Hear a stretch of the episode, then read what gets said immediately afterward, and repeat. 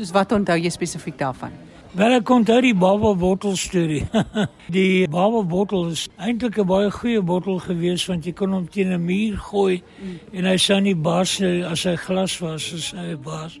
Die ongeluk was dat die plastiek wat gebruik is om die baba bottel te maak het 'n chemikalie bevat, BPA, bisphenol. En hierdie BPA is uh, in gedrang gebring omdat dit verband gehou het met vrystelling vroulike hormone en daar het 'n idee ontstaan dat dit miskien 'n rol sou speel met borskanker.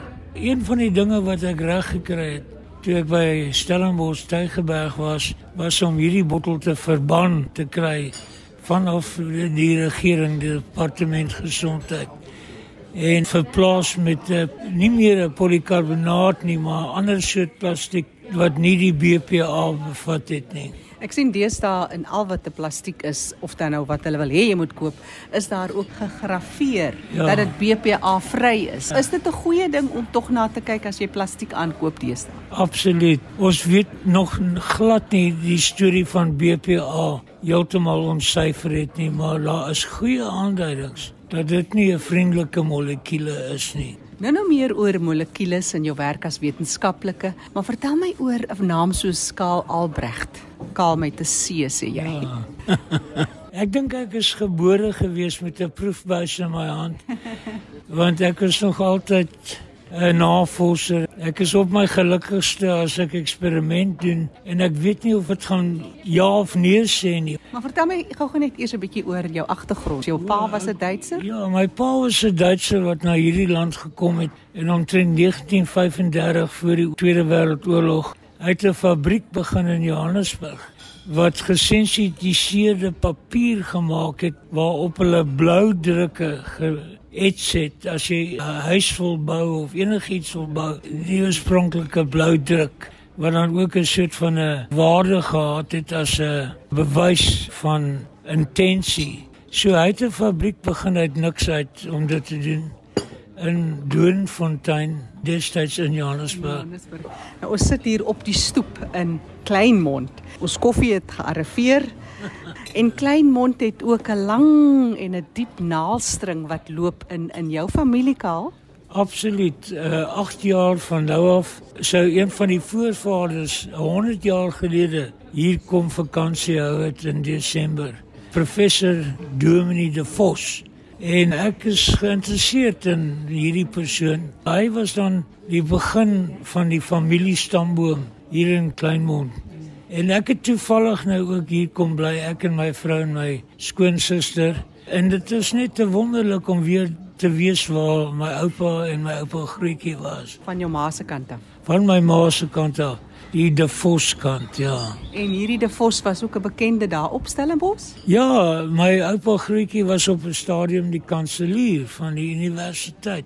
Hy was befaamd en ook hoe sal ek sê, anakronisties, want hy het gevoel die taal vir die nuwe universiteit wat begin het as 'n Engelse college moes Hollands gewees het.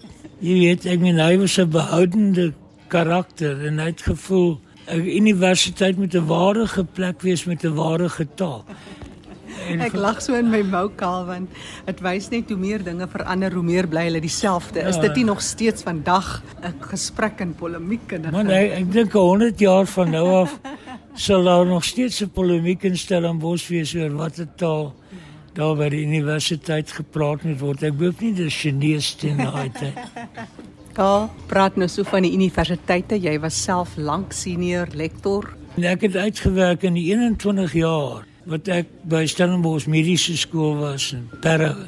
Het ek 2000 plus studente stories vertel van antibiotika, antikankermiddels en allerlei antigoed en ek het elke lesing begin met 'n insiggewende oorsig wat 10 minute lank was. En jare later het ek van hierdie studente ontmoet, miskien as 'n huisdokter of wat ook al. En dan sê hulle, "Ja, ek onthou jou nog, jy was 'n lektor gewees." Dan sê ek vir hulle, "Watter deel van die lesing kan jy onthou?" En dit was altyd daai eerste 10 minute waar ek insig en 'n goeie verhouding met die onderwerp probeer bou het voordat ek die lesing gee.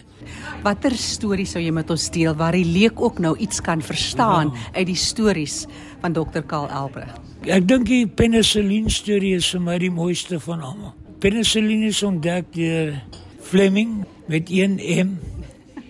En Alexander, Alexander jy jy ken die storie. Meeste mense het al daarvan gehoor dat daar 'n swam ingevlieg het in sy laboratorium gaan sit het in 'n bakkie waar hy eksperimente gedoen het en hy het opgelet dat die bakterieë, die wit skimmel binne in die bakkie het dood gegaan om die swam, maar nie ver van die swam af nie. En hy was op die punt om die bakkie in 'n emmer te gooi waar dit gedisinfekteer sou word te stop hy.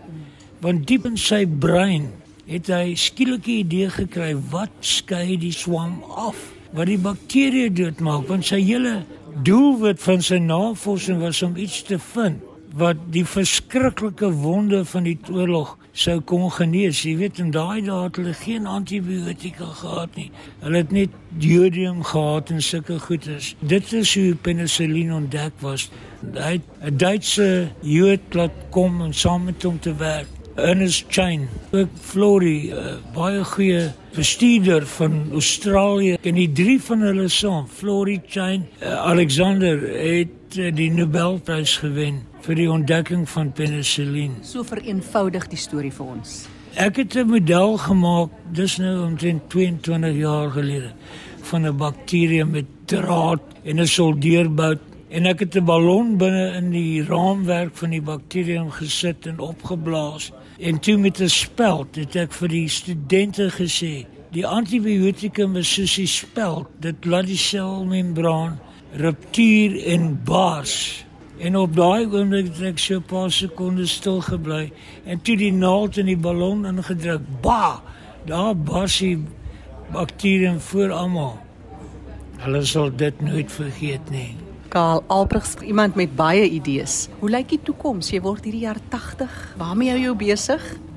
Ek hou my veral besig met die skryf van 'n boek wat bestaan uit idees en konsepte en gewaarwordings wat ek nou al oor 'n periode van 60 jaar opgebou het. En hierdie boek gaan oor 50 voorbeelde van hierdie vingerafdruk van God in ons bekende heelal. Nou as wetenskaplike, hoe trou jy die boek en jou inligting, jou ervarings met evolusie byvoorbeeld? Ek moet sê ek kan nie verstaan hoekom daar polemiek is tussen evolusie aan die een kant en skepingsverhaal aan die ander kant. Ek dink die twee werk saam. En dit is duidelik dat daar evolusie is. Ek meen al hierdie variante van COVID is 'n bewys van variasie op 'n tema. En dit is evolusie. So Daar's nie twyfel oor evolusie nie. Daar is baie mense twyfel oor die God aspek. Hulle reken dit kan nie waar wees nie want daar is nie sigbare bewyse nie. Wel ek ek verskil. Ek dink daar is handtekeninge wat gesien kan word as ons lank genoeg kyk daarvoor. En dit is waaroor die boek sal gaan. Om 80 te word is 'n groot seën. Maar as jy nou ons met een gedagte kan laat, sê nou jy's volgende jaar 2024 nie meer hier nie. Wat sal die een boodskap wees, 'n mantra waarby Karl Albrecht sou wou lewe?